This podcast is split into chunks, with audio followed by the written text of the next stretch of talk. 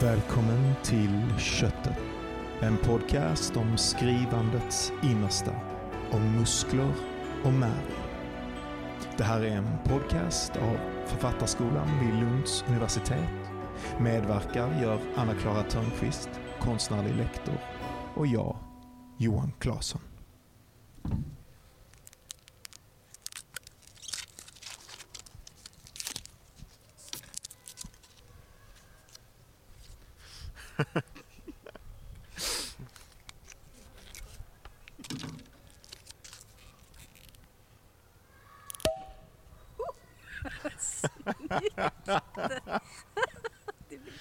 Perfekt. Nu ska vi se här.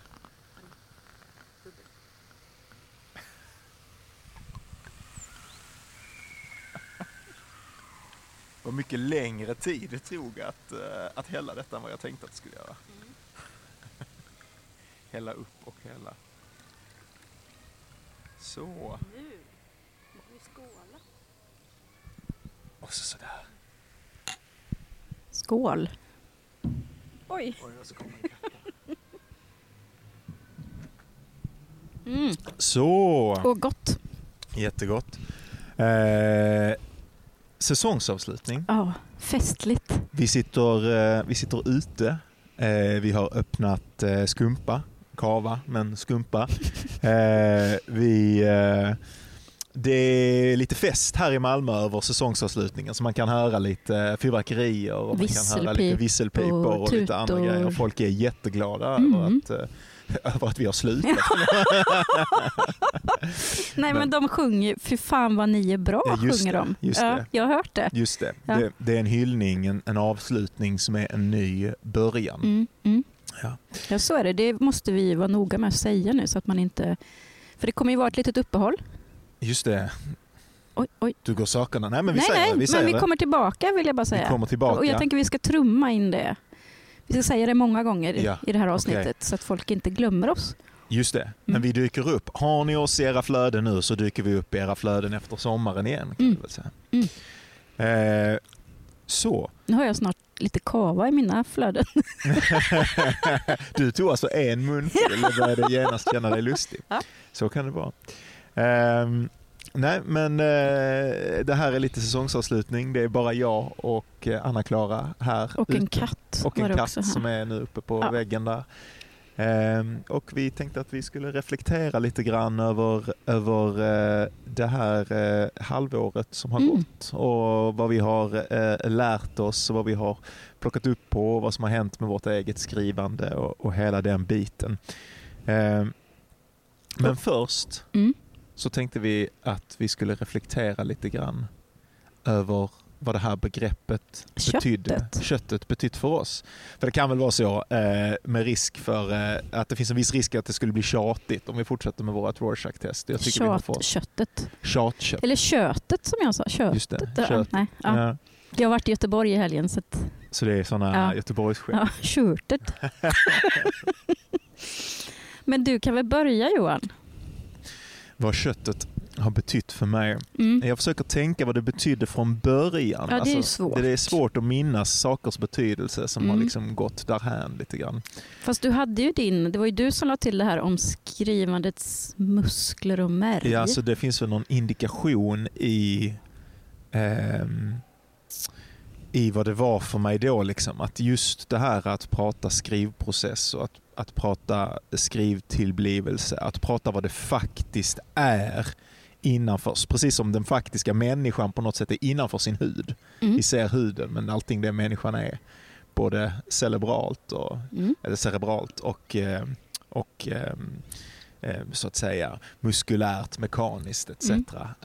befinner sig innanför köttet. Så, Andligt kanske? andligt. Mm. Så är mötet med sidan Mm. varje dag det egentliga skrivandet. Mm. Och boken, det skrivna, det som man diskuterar ibland som listor och det som man säger det ska vara så och inte sådär. Om så. Det är egentligen en restprodukt, ett slut, inte en början. Utan början sker i skrivandet där det händer. Liksom. Nu börjar jag tänka intensivt för det finns ett ord som jag kan för slaktavfall men jag kommer inte på det. Okej. Jag ska se om det poppar upp. Ja, okej. Eh, då får du gärna kontextualisera Mm. eh, dess koppling också. Mm. Ehm, men jag vill säga också att när jag tänkte på det med, med vad jag känner att mitt skrivande har, har tagit vägen på sistone så tycker jag att det, det kommer upp en bild för mig och det här är en lite obehaglig bild. Då, Mm. men, men, Jag är beredd. men det är ändå en, en, en obehaglig bild som har... Det är någonting i skrivandet där det händer när det är som bäst för mig nu som verkligen liknar att ta en glasskärva eller någonting. Mm. Hitta ett ställe på armen som gör ont och sen börja nagla mot den punkten bara för att se var man tar vägen någonstans. Men Det låter ändå som att du tycker att det är skönt. Jo, eh, Ja. jag vet inte om jag gör det med den här glasbiten. Men det, det finns nog, men det är någonting som är väldigt sådär eh, inåt, inåt, Mm. inåt, in i någonting som eh, är ointuitivt till en början men som, som på något sätt blir fascinerande. Det här är någon konstig Men är det liksom smärtan? Bland annat. Ja. Men jag, jag skulle säga att smärtan är, är, det är en punkt, eller smärtan eller det stället som, alltså fan det här är ju, det var ju till och med våra elever pratade om att det är Mm. klyschigt och jag pratade om det med LG Mm. förra gången, men där är verkligen någonting att hitta ett ställe i sig själv Mm. i sin upplevelse. Att inte, att inte eh, trilla rundor mellan en massa olika grejer och fundera hur gör den det och hur gör Mm. den det. Utan att bara hitta ett ställe, Mm. här kan jag vara Mm. och bara trycka in glasbiten. Trycka och trycka och trycka och det gör ont och det är jobbigt och man vill inte och man bara fortsätter och fortsätter. Och i den här konstiga liknelsen så gräver man sig till Kina genom sin egen arm sen till slut. Det låter lite farligt också. Eller? Ja, men det, ja, Ja. det får det nog gärna vara. Ja. I den här känslan som jag har för skrivandet nu så får det nog gärna vara Ja, du kom liksom med grotesken kom du med här. Ja, Ja. 100 procent. Ehm, Vad betyder det för dig då? Ja, men jag, jag skulle nästan vilja säga att eh, det är en eh, motsatt eh, rörelse mot ditt kanske. Alltså jag tror jag har varit där och karvat ganska mycket när jag har skrivit för. Mm. Där det gör ont och sådär. Nu är det mer gladporr. jo, han var, han var, jag visste att det här skulle komma. Nej, nej, nej, nej, nej. Men jag har så roligt just nu. Ja. Och det är lite så svårt att koppla nöje till köttet utan att det blir gladporr känner jag då. Eller jag vet inte hur jag annars ska liksom... Att det är någonting erotiskt för dig? Kött är väl... Ja, men skrivakten då? då? Något lust? Absolut lust. Ja. Eh, också att jag vill hänga väldigt mycket med min eh, text just nu. Så som man vill göra när man är lite så. Man ligger nära varandra Ja. hela tiden. Ja. Mm. Ehm, men sen så inser jag kanske att det kommer komma ytterligare en fas i den här eh, där jag inte kommer känna så. Men jag tänker att det, det är så många av våra studenter som säger att Åh, det ska vara sånt lidande att skriva och alla skriver att man ska vara så ensam och man ska må så dåligt och sådär. Nu säger jag inte att du menar det, men därför vill jag gärna lyfta fram att det kan vara liksom Jag har ju umgåtts med mitt manus eh, mer intensivt än någonsin egentligen under vår poddperiod. Och att det har blivit så himla kul. Eh, Det är ju, eh, om ingen annan får ut någonting så åtminstone du och jag. Som. Absolut. Ja. Eh, och jag vill också säga att jag tror att det är ganska mycket tack vare alla vi har pratat med. Mm. Om vi ska börja komma in där. Alltså för att vi har haft så olika samtal. Även om vi har egentligen, vi, vi har alltid haft köttet som ingång. Vi har alltid haft skrivandet som grund. Och skriv, eh, du har ju alltid varit bra på att ta ner det till det väldigt praktiska. Så här, hur ser det verkligen ut när du skriver? Det är ingen som någonsin har sagt till mig att jag är bra på att ta ner det till det praktiska. Men du förut. har ju velat göra det i Det alla har jag fall. velat Ja. göra. Men, eh, men, eh, Och jag tycker vi har fått det, men, men eh, även med den, de, den gemensamma ingången i varje avsnitt så har det blivit oerhört olika avsnitt. Och det kan man ju se också på dina, du har ju gjort någon form av titlar på varje avsnitt egentligen. Ehm, jag tänker nu när jag tänker på det här med lust så tänker jag på Lina Arvidsson Mm. Sa jag rätt nu? Ja. Mm. Eh, jag tyckte det var helt fantastiskt. Jag har aldrig träffat någon som är så eh, alltså, onevrotisk i förhållande till sitt skrivande och som bara liksom verkar tycka det är jätte, jättekul. Asgött ja. Ja. Ja. Det var så inspirerande. ja. Eh, det, det var jättefint. Jag det blev kommer så hon säkert glad. bli jätteglad att höra Ja. om, hon, om hon fortfarande lyssnar. Ja, just det. Vi får kolla. Det kommer märkas kanske. Ja. Mm. Och då menar jag inte att man måste ha det förhållningssättet, men för mig var det liksom... Ja, men det kändes nytt och, och så här, ha, vad kul. Det var liksom... Ja, det var jättefint. Det var väldigt luststyrt. Du, det, är ju, det, det med att det är luststyrt, det, det är ju en sån sak. Men, men skulle du vilja säga mig någonting mer som du har tänkt på? Eh, om du tänker tillbaka på den här mångfalden utan av perspektiv och grejer. Mm. Är det någonting mer som står ut? Som du bara wow, där hittade jag någonting som sen har krypit sig in på ett sätt som jag är medveten om i mitt eget skrivande. Mm. Nu borde jag förberett. Jag har ju lyssnat på alla våra avsnitt och varje avsnitt har gett mig någon form av aha-upplevelse. Både när vi har spelat in men också när jag har lyssnat i efterhand. Men jag kan, det är svårt att få fatt i det. Eh,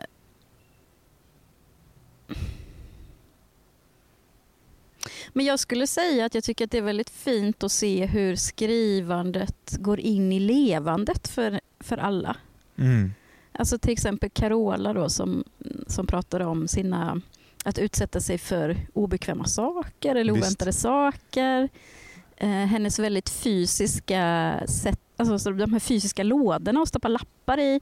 Alltså det är något konkretiserande och väldigt så down Så att- to earth liksom. Ja, och också att, att, att leva sin praktik på någon vänster. Mm. så här att, att eh, det är någonting som är så spännande med hur ja, men man börjar leva på ett visst sätt för att kunna skriva men sen blir Mm. det sättet som man är som gör det man skriver. Och så, det finns någon slags konstigt eh, rekursivt eller så här loopartat förhållande Mm. som jag snabbt, knappt kan påtala men som sen styr hon styr sitt skrivande Mm. på någon, men hennes skrivande styr ju också helt och hållet henne och vem Ja, hon absolut. blir. Liksom. Jag tänker på den här Gun-Britt Sundströms, eh, ja, det är ju en, någon form av självbiografi som heter Skrivliv.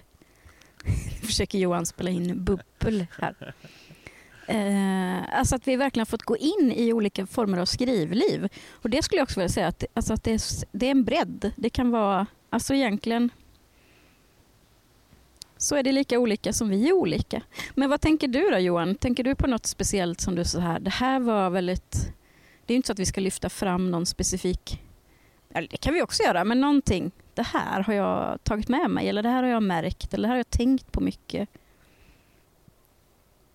Alltså, kanske då precis helt i linje med hur jag har tänkt på den här podcasten så tänker jag att det som jag har lärt mig är liksom före allt annat. Och det är märkligt för att det är så här med saker som man lär sig som har att göra med, med subjektivitet så som skrivande har att göra med liksom ens, eget subje, ens egen subjektivitet och dess relation till språket på någon vänster. Eh, att man behöver höra ofta samma saker flera Mm. gånger och från en massa olika håll och sen Mm. så plötsligt så händer någonting och så förstår hjärnan eller vad det nu än Mm. är, sinnet hur den här saken ska göras. Eh, och jag tror att det här Jockes begärsidé, Denise lyssna Mm. idé eh, har fått mig att våga.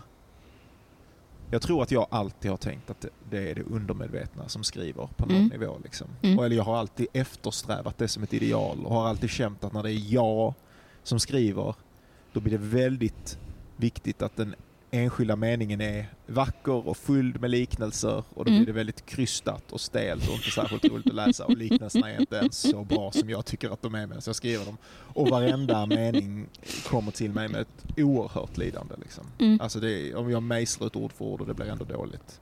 Eh, och det blir alldeles för labored, som man säger på engelska. Mm. Ehm, Överarbetat. överarbetat, precis. Det säger jag till de som inte kan engelska. Ja, precis. Men man kan se överansträngningen. Liksom. Eh, och sen så tror jag att jag förr ofta försökte förekomma detta genom att skriva så snabbt. Mm. Alltså jag, bara, jag skrev 5000 ord om dagen. Liksom. Mm, det är Eh, mycket. det är mycket. Mm. Ehm, och jag gjorde det, men det, alltså jag har inte kunnat använda en sida av det för det är bara maniskt. Liksom. Därför att jag, jag tyckte det kom fram kreativa idéer. Men texten som text Mm. blev ju dålig. Men det är inte att riffa det då? Som Jo, du har pratat om? Det är nog att riffa. Jag, jag, jag skulle nog inte skriva av eh, att göra det och Nej. jag skulle nog inte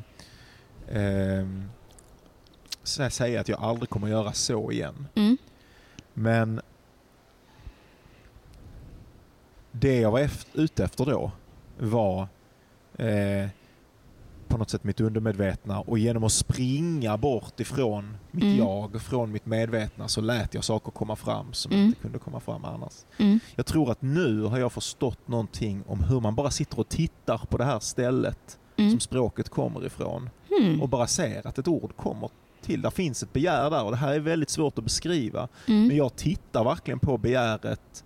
Jag känner en viss del av mig Mm. som rör sig. Mm. Eller där det, det, det, det, det flyter runt, det ändrar form och språket är kring den enda saken. Där, och hela tiden så dipp, dipp, dipp, dipp, dipp ramlar det ner ord i någon slags Mhm. oregelbunden Som Tetris? som Tetris Ja. eller någonting.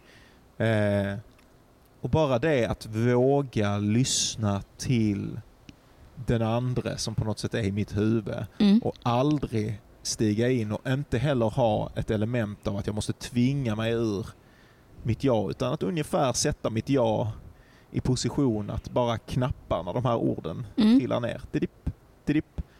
Ehm, det har varit fundamentalt. Det är så enkelt att skriva just nu. Mm.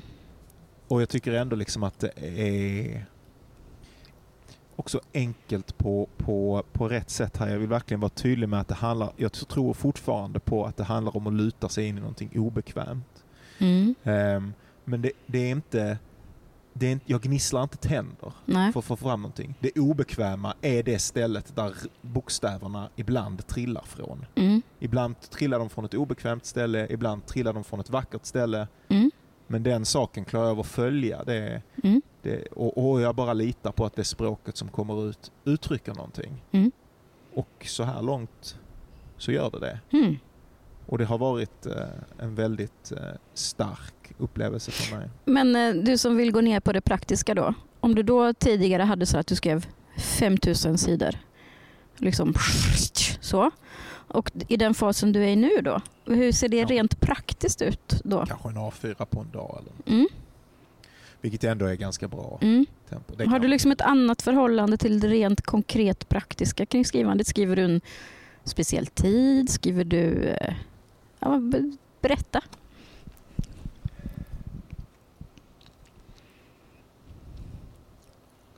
Jag gör nog inte det. Jag är nog, jag har en, en dag av aktiviteter. Jag läser mina böcker, jag läser både forskning och min psykoanalys och min filosofi och lite skönlitteratur och så skriver jag så jag är ute med hunden. Mm. Och sen så får de där blocken hålla på och knuffa undan varandra. Mm. Eh, allihopa ska ju helst, eller de, de, allihopa tenderar att vara i en dag. Mm. Men jag klarar inte av och tror inte jag är sån som människa som sätter vissa specifika tider och sen förhåller sig till dem. Jag tror att jag alltid har försökt att vara det Mm. Och att jag har gjort mig väldigt olycklig och Mm. gjort också påverkat mitt skrivande. Mm. Att jag behöver, för att kunna skriva, också leva på det sättet, precis Mm. som Carola. Men för mig innebär det sättet att där är saker som ska göras, men Mm. vilken sak som görs när Mm. får lov att komma till mig. Mm. Det vet någonting i mig ändå om jag bara flyttar mig ur vägen. Absolut. Jag tänker på, det här är ju inte någon som vi har haft som gäst, men som vi kanske kommer ha som gäst då möjligtvis. Mats Kempe var på Författarskolan. Eh, och han jobbar på Linnéuniversitetet och är också publicerad eh, författare. Jag fäste mig väldigt mycket, dels så tryckte han väldigt mycket på att det ska vara kul, alltså på något sätt. Det behöver ju inte vara roligt det man skriver, men att det ändå ska finnas någon form av lustfyllt i det hela. Annars tyckte han, uppfattade det i alla fall som, att det finns mycket annat man kan göra istället. jag skulle bara vilja knuffa in där, jag vet inte, men lustfyllt. Eh, jag skulle inte vilja begränsa, det måste vara meningsfyllt. Ja, och det tror jag är det jag menar egentligen. Ja, och det där är ju svårt med vad, vad, vad ord betyder såklart. Eh, men något som jag fäster mig vid lite också, för jag är ju precis som du att dels har jag mitt jobb som är det jobb jag har, det vill säga att jag umgås med text nästan dygnet runt. Eh, med andras text, eh, med skönlitteratur. Ja, men det är mycket och det är på många sätt helt fantastiskt att ha kommit dit i livet tycker jag. Eh, Men även jag kan uppnå någon form av mättnad. Så. Eh, Och jag tycker också det är svårt att hitta då kraften till att sätta sig med egna ord. Eh, Och det har jag liksom gått och tänkt på väldigt mycket. Och det här är ett ganska känt faktum. Jag tänker på mina kollegor som är på Litvet till exempel. Det är alltid svårt att gå mellan undervisning och forskning och sådär. För att det är liksom extrovert, det är introvert Ja, visst, och så. såklart. Men det Mats Kempe sa då, det var ju liksom att man får anpassa skrivandet efter livet och inte tvärtom. Så att jag försöker liksom vara så här, ja idag hann jag skriva 20 minuter faktiskt. Bra gjort. Eh, istället för att tänka så här, ja men jag, jag borde, eller jag borde, alltså sådär. Utan så. Och sen så tänker jag också, någon jag läste som, som sa att man ska hela tiden ha, ha någon form av kontakt med det man skriver. Just det. Och att i vissa dagar kanske det räcker att man tänker på det. Det är ju en lite revolutionerande tanke känner jag. Vi tänker ju hela tiden att man ska skriva, skriva, skriva. Inte en dag utan en rad. Det finns jättemycket sådana. Men jag kan känna så här, okej idag har jag, jag har tänkt på, på det jag ska skriva på bussen hem från jobbet. Det får vara eh, gott nog idag för att jag kommer inte liksom... Eh, och jag tror att det faktiskt har matat på den här eh, lust alltså glädjen i det. Att jag har tagit det från plikt till eh, något jag vill. Ja, det, har det någonting att göra med, jag tänker ofta att, att, att hitta lusten i en syssla har någonting att göra med att lösa upp spänningar kring den sysslan. Mm. Så om texten bara vill existera som en tanke en dag så får den väl göra det. Om texten bara vill uttrycka, alltså komma lite här Mm. och sen komma tillbaka lite där och sådär, så får den väl göra det. Jag tycker att det är eh, verkligen ett, ett perspektiv. Sen, sen så tycker jag också, och, och det här har också varit stort för mig och jag har haft det på känn länge men jag har börjat ta det mer på allvar. Att för mig så är det att bara inte göra andra grejer Mm. utan sitta framför sidan Absolut. och känna sin kropp. Ja. Känna motståndet Ja. man har, känna varför det överhuvudtaget Ja. varför är det jobbigt? Vad är det som Mm. får dig att Mm. vilja gå till Netflix istället Mm. för skrivande? Mm. Det är någonting där du inte vill ta tag i. Mm. Och- Absolut. Precis, att bara känna den. Om du, så länge du bara känner den spänningen Mm. Så håller du på att göra arbetet. Mm. Det blir kanske inga ord just nu, Nej. men du gör arbetet för det, det är precis i oviljan att skriva. Folk tror att de vill komma till att vilja skriva Ja, och det är ja. nice när det är så. Mm. Men det är precis i oviljan att skriva som du vet att du står inför någonting värt att säga. Liksom. Absolut. Och det har jag för mig att Kristoffer sa också att, i det avsnittet att så här, ja nu skriver jag något, det var lite tråkigt, det blev inte så bra ord, Just det. men jag skriver på. Eh, det tyckte jag också var... Alltså det, på- överlag kan man väl säga att det är så otroligt på ett sätt väldigt enkla saker som folk har sagt till oss men så svåra i sig. Att liksom så man bara just ja.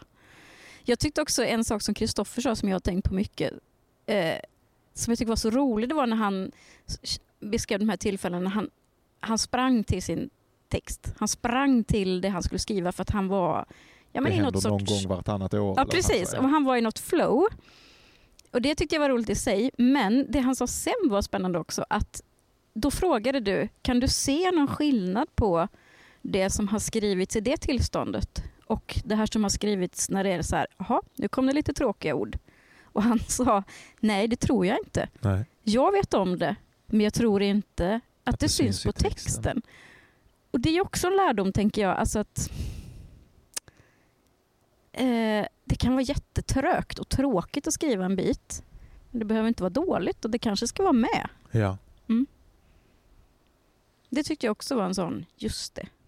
ja, verkligen.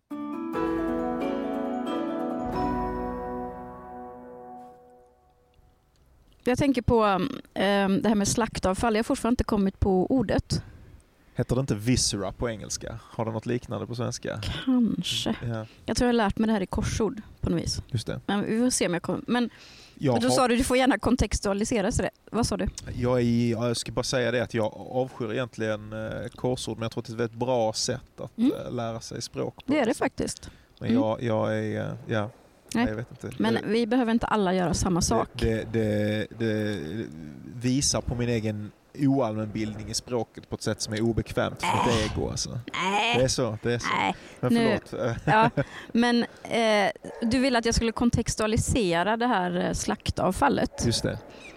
Nu, nu kör de Nu smäller de för fyrverkerier. oss här och Ja. hundarna går bananas för Ja. oss. Så är det att vara känd. Ja, det, jag vet inte riktigt om vi törs gå ut på gatan sen Johan. Nej. Nej, Nej. Solglasögon har jag med mig i alla fall. Nej, men eh, jag tänker att det där... Eh,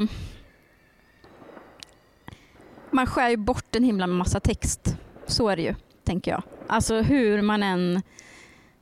Och det är ju, liksom, det är ju på ett sätt en smärtsam process. Tänker jag, att inse hur mycket man måste skriva för att få det där som till sist blir kvar. Ja, verkligen. Särskilt i, i bör, alltså det, det där är ju en grej man vänjer sig vid. Liksom. Mm. Men, eh, men i början så... Man ska ha ut de här fina filéerna och entrecoterna och sådär. Ja, och då vet man inte om att man måste kassera fyra djur innan man får ut den första. Nu kommer vi få djurens rätt Ja, på oss snart. ja. Men, men jag tänkte på um, en sak som Henrik sa när vi pratade, när vi spelade, in, pratade med honom, spelade in där i, med alla de här böckerna på Solcentrum. Så sa han att han ofta kunde se att han hade skrivit in saker när han skrev som var så här, jaha men det här är egentligen anvisningar till mig. Det ska liksom inte vara i texten.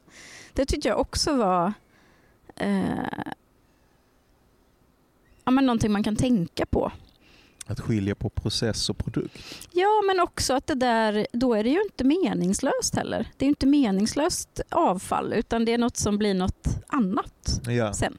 ja det finns ju verkligen inget. Det, jag tror också det, det är väldigt, på ett sätt, om man kan komma åt det, eh, så är en väldigt stark tanke eh, att inse att vägen dit är vägen dit och den färdiga texten är den färdiga texten och det är, Mm. två, olika, det är två olika grejer. Liksom. Mm. Det mm. ena är din upplevelse. Mm. Ta tillvara på den, för Mm. det är det du får. Och sen så eh, och sen så texten, det är det som du ger vidare. Det är en, förhoppningsvis en kärlekshandling eller någon slags, du, du vill någonting med din text. Är det så du tänker dig en text? Jag tänker texten som en kärlekshandling. Till Den andra. Den som kommer läsa? Jag, jag pratade med en, en av våra elever om det här, eh, vi skojade lite grann, och så, om, om vem man tänker att man skriver till. Och jag har nog verkligen det fruktansvärda eh, inställningen att jag skri, skriver till, till människorna. På en sån här, eh, det är någon utsträckt hand liksom, på något väldigt konstigt eh, religiöst. Men det kan jag förstå. Jag har ju läst lite vad du, av vad du skriver. Det. Det finns ju ett sånt anspråk i, Ja, i, i det du gör. ja. Det är väl inte fel? Nej, nej, nej. Ja, jag tänker på Anna också. Eh, för jag tänker på den, det du börjar med, den här initiala den här bilden med du karva och karva med den här glasbiten. Hon Ja. hade ju också ganska mycket på något sätt mm, smärta med sig, tänker jag. Hon är så... Eh, det är ju jobbigt för henne men det, det är, hon är så bra på det där att... Eh, eller det är, det, är, intressant att hon klarar av att dra upp Mm. smärtan och karaktärernas händelser förkroppsliga det så till den Mm. grad. Det tror jag verkligen är Mm. en gåva även om det säkert inte alltid Mm. känns som det. Att det är, är rätt utmattande. Liksom. Mm. Det var liksom vårt köttigaste köttavsnitt Ja. får man säga. Alltså kroppen som insats nästan. Ja. Eh, det handlar ju hennes diktsamling om egentligen. Ja. Eh, när det kostar på. Vad tänker vi? Eh, nu har vi gjort en sån liten eh, exposé bakåt, men om vi tänker oss framåt, ska vi våga oss på det?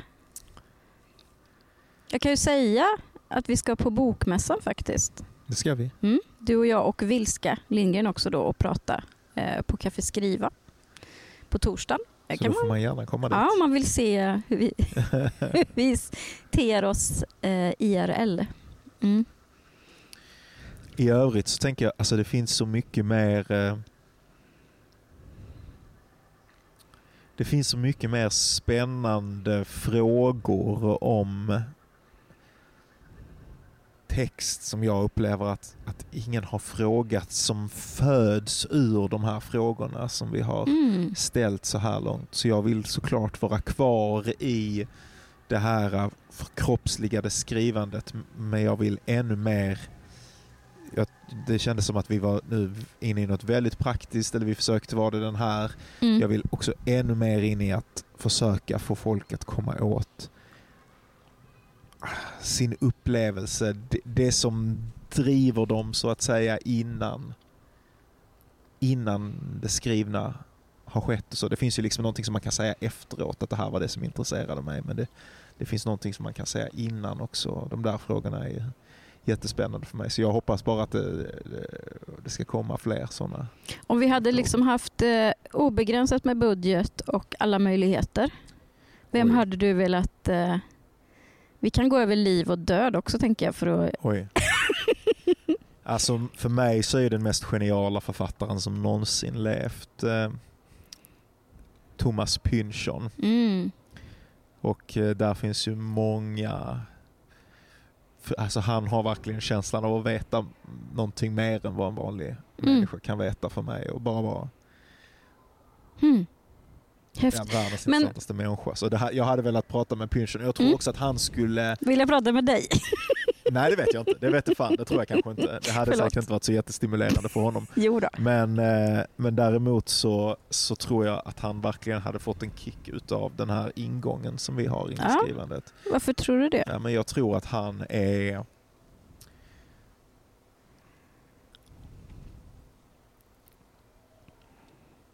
Han är väldigt intresserad utav någonting eh, mystiskt i tillvaron och han har ändå ägnat sig åt eh, språk på ett sätt som väldigt få andra människor i verkligheten har gjort. Så hans intuitiva vara och dess relation till, till språket och,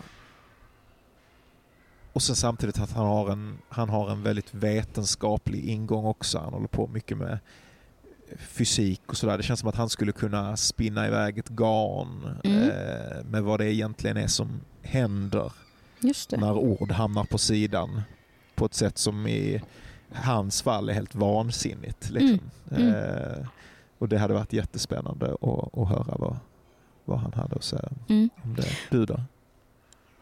Jag ska tänka lite. Jag vill ha en följdfråga. Ja. Tänker du, alltså det här vi har fått ut av de här väldigt fina samtalen med skrivande människor, det de har sagt och tänkt och tänkt vidare på och så. Tänker du att det finns i det de skriver också på något sätt? Finns det där out, mellan, alltså jag vet inte vad man ska använda för, det finns bara slitna fraser för det, men finns det också i texten som kommer ut ur dem? Det tror jag. Alltså jag tror inte att ett, jag tror att ett skrivande är din speciella, ett skrivande när det verkligen fungerar. Ett skrivande innan också, men då försöker det vara någonting annat och då fungerar det inte. Men när det börjar fungera så är det eh, din speciella kognitiva apparat som är formad i en viss våtmassa, som är formad i en viss elektrokemisk eh, Våtmassa. Ja, det var något ord som jag hittade på. Ja, det, var väl, det var en bra titel på en Ja. diktsamling tycker jag. Ja, Ja. Eh, wetware, det var en konstig på, på Ja, men du gör mycket sådana... Ja, översättning. eh, nej men, eh,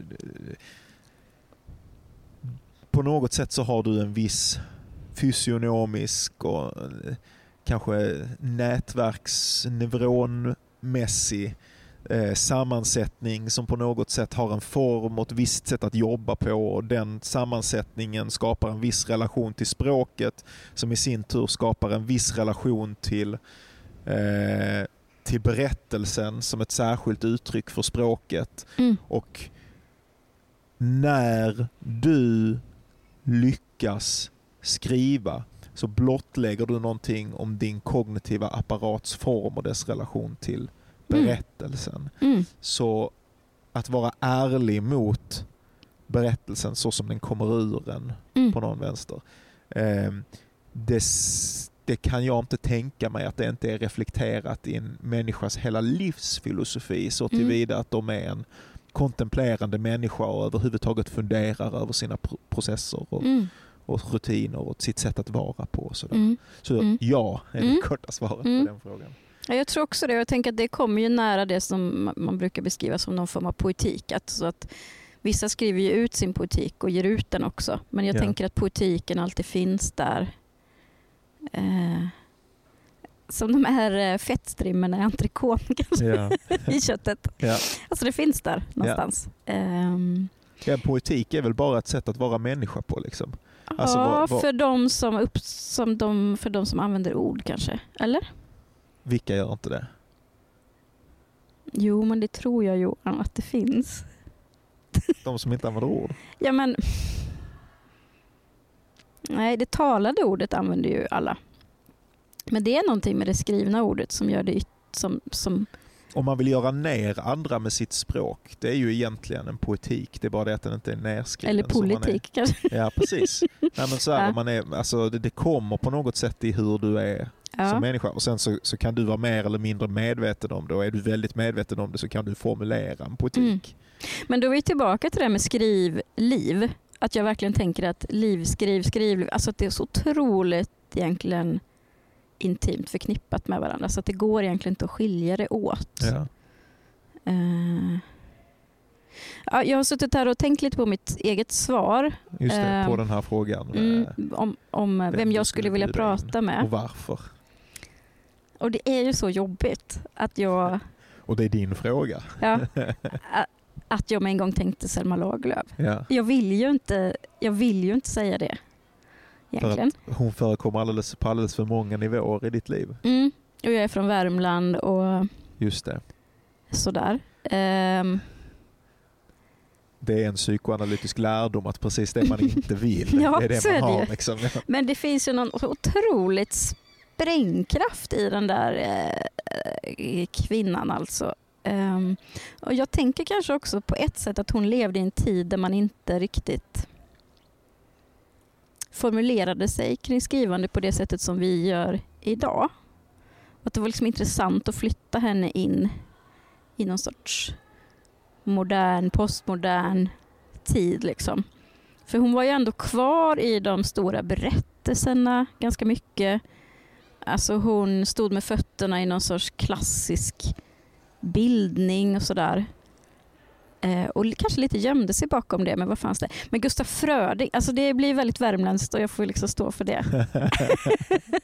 det, jag tycker att det är väldigt spännande det här eh, liksom, från det ena till det andra. Någonting jag är väldigt tacksam över med, med Selma Lagerlöf på ett sätt, som, som en bok som jag tror har betytt konstigt mycket för mig. Eh, som jag nog bara inser nu när jag säger det. Det är den här Bannlyst. Ja, Jag tycker att Bannlyst är den mest eh, ofullständiga, ofärdiga Mm. boken av en, av en fantastiskt begåvad författare Mm. som jag vet. Alltså det är så mycket spåren Mm. av ett skrivande som man inte riktigt fick rätt på. Den blottlägger något om skrivandets process, liksom.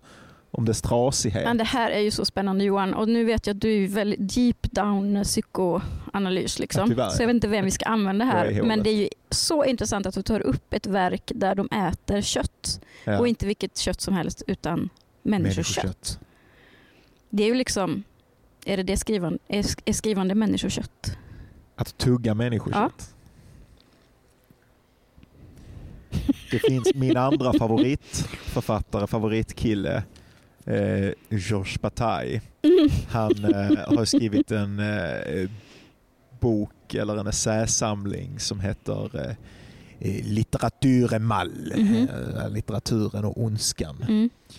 Eh, och där så, så hävdar han ju att, att litteraturen på olika sätt alltid är tätt förbunden med ondskan.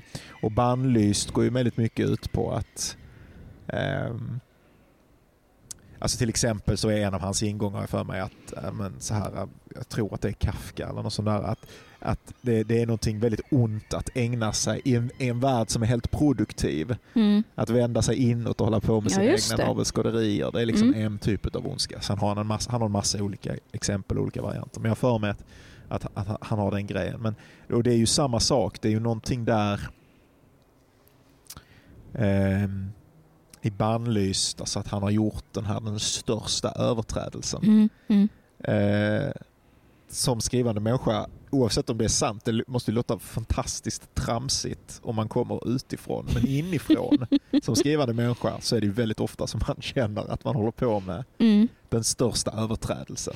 Men jag tänker, eh, ordet blev kött och tog sin boning bland oss. Alltså de orden är ju otroligt parafraserade och använda av författare liksom, Ja. i den västerländska krist, kristna kulturen. Liksom. Det är ju någonting där och det tänker jag eh, helt bortsett från det kristna och, och, och att det syftar på Kristus så tänker jag att skapelseakten och att skapa någonting som sen någon annan tar del av och som blir till liv i dem. Det är ju, det är ju helt otroligt. ja, det är väldigt svårt. Och det är ju liksom att ge kött till någon annan. Man ger liksom en byggsats. Det är lite Frankensteins monster. Här får du lite så här, kan du bygga något av det? Och det, det är ju någonting med livet. Nu jävlar, nu går vi Ja, vägen. men nu har vi också nästan druckit upp. Vi har druckit, vi har eh, druckit en del kava så nu är vi inne i en grej så jag hoppas att det här är underhållande för någon. Alltså. Men, Men de kan bara sluta lyssna Ja. faktiskt. I slutet av det här avsnittet, om man tycker att det har gått för långt, så kommer det komma lite mer information. Men vill man bara ha den informationen eh, så kan man ju hoppa till det. Men nu tänker jag säga det här jag skulle säga. Ja. Eh,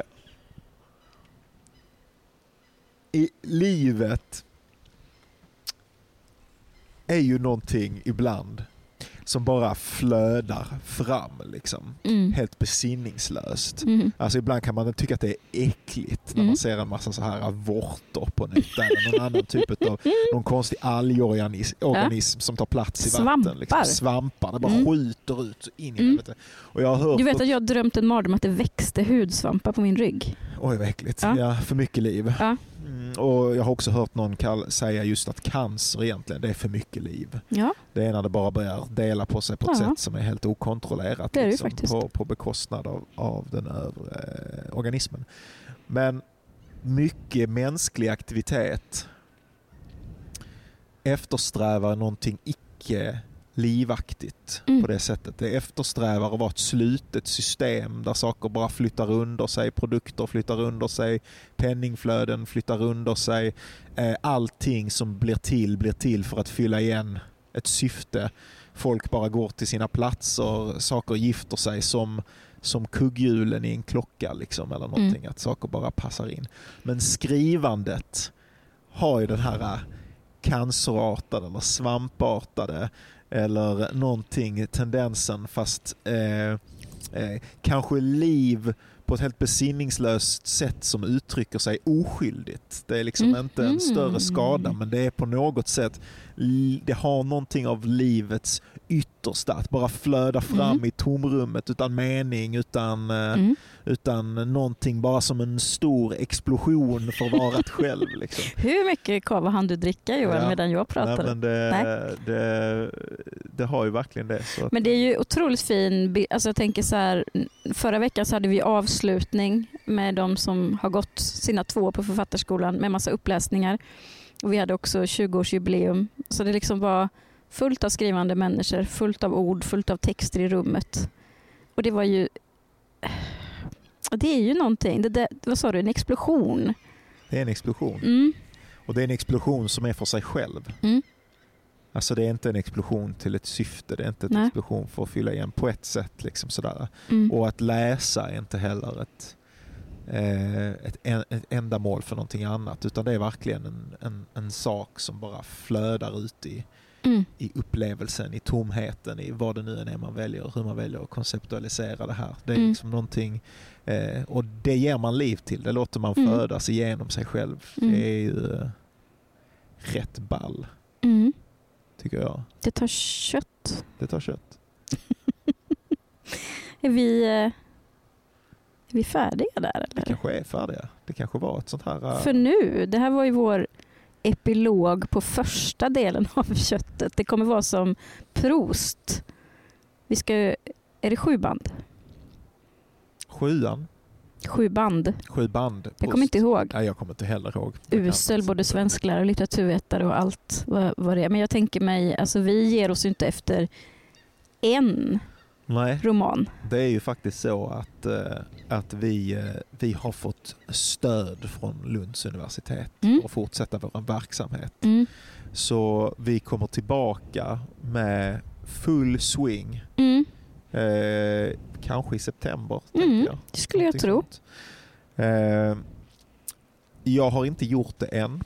Men jag tänker att i slutet på det här avsnittet så kommer jag klippa in en prata när jag redigerar det eller en liten, jag kommer säga en liten grej eh, där jag lämnar en e-mail. Just ja. Eh, och är det så att man har några förslag på någonting man vill höra, antingen eh, en, eh, en viss författare, gärna Mm. som bor här i eh, liksom Skåne. Mm. Men man kan ju Och- också få tänka stort. Så man, man kan få tänka stort Ja, men det, det kanske inte över liv och död som vi gjorde nu. Men vi har ju våra begränsningar. ja. Men, eh, men ändå. Eh, shit, jag känner att jag också börjar bli täppt in. Jag är pollenallergiker. och Ah, det är inte liksom min- att du börjar bli väldigt rörd nu över att vi... Det kan vara det också. Det kan vara det. Lite A, lite B kanske. Eh, nej men jag kommer göra en sån e-mail och om man har förslag på författare eller typ lite ämnen eller saker som går i linje med Ja. det som vi hå- håller på med som man bara, det där skulle vara intressant om ni på något sätt utforskade eller gick in i eller sådär. Eh, Så skicka gärna ett, ett e-mail till den mailen så, så ska vi försöka ordna det. Men det vore fint med lite interaktion för nu har vi pratat ut i ett tomrum. Visst, Det är det, det man gör när man skriver. det är det man gör. Men sen tänker man ju någonstans att det ska finnas någon som tar emot det.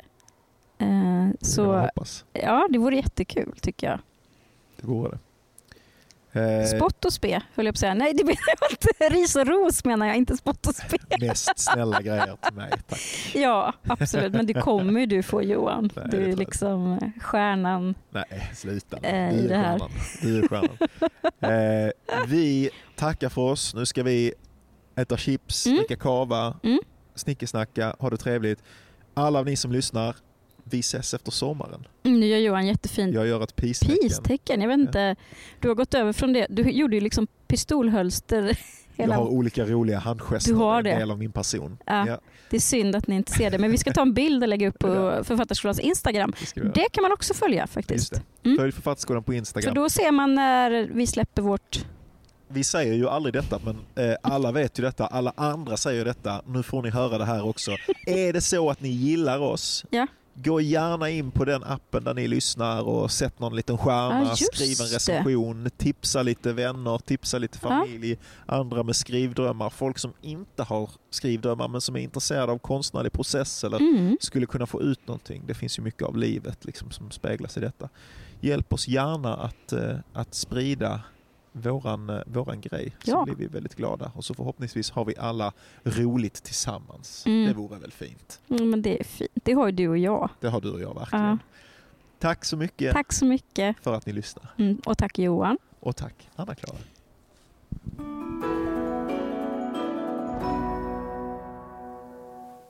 Det här är en senare Johan här. Ehm, tack så mycket för att ni lyssnade på det där. Det blev kanske lite väl berusat och filosofiskt mot slutet. Om eh, filosofiskt ens är rätt begrepp för det där svamlet.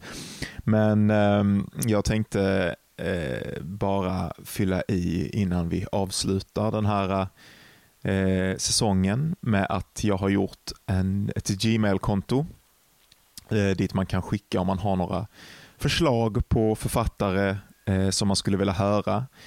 Eh, allra främst tänker jag att vi är intresserade av författare i Skåneregionen för det är de som vi eh, kan få tag på lätt. Eh, Men det är mycket möjligt att vi också skulle kunna göra en online-spelning, inspelning om det är någon som är sådär som ni har ett särskilt intresse för och som ni tror skulle ha ett, ett intressant perspektiv på de här frågorna som vi utforskar. Eh, E-mailen jag har gjort, jag ville ha namnet Köttet såklart, men det gick inte. Det är ett ö där. Eh, då tänkte jag eh, Kottet, det gick inte heller. Sen så kom jag på då köttkontakt. som jag tyckte var roligt. Eh, det låter lite sådär passande pornografiskt, men det gick ju såklart då inte heller. Så nu slutligen har jag gjort en, en e-mail till oss. Eh, kottkontakt. Kottkontakt, K-O-T-T, K-O-N-T-A-K-T. Kottkontakt at gmail.com. Dit kan man skicka eh, diverse eh, feedback eller eh, ännu hellre då folk som man vill höra på. Eller om man har några synpunkter sådär på någonting som, som man tänker att eh, det här skulle vara intressant om ni pratade i, om. Eller sådär. Jag tänker att det kan vara bli, bli mer, lite mer bredd på frågorna nästa säsong. Tack så jättemycket för att ni har lyssnat den här säsongen. Eh, tipsa gärna vänner eh, och sådär. Familj. Eh, tummar upp, reviews. Det tror jag jag sa i avsnittet också, men jag säger det här igen. Och eh, så ses vi i september. Tack.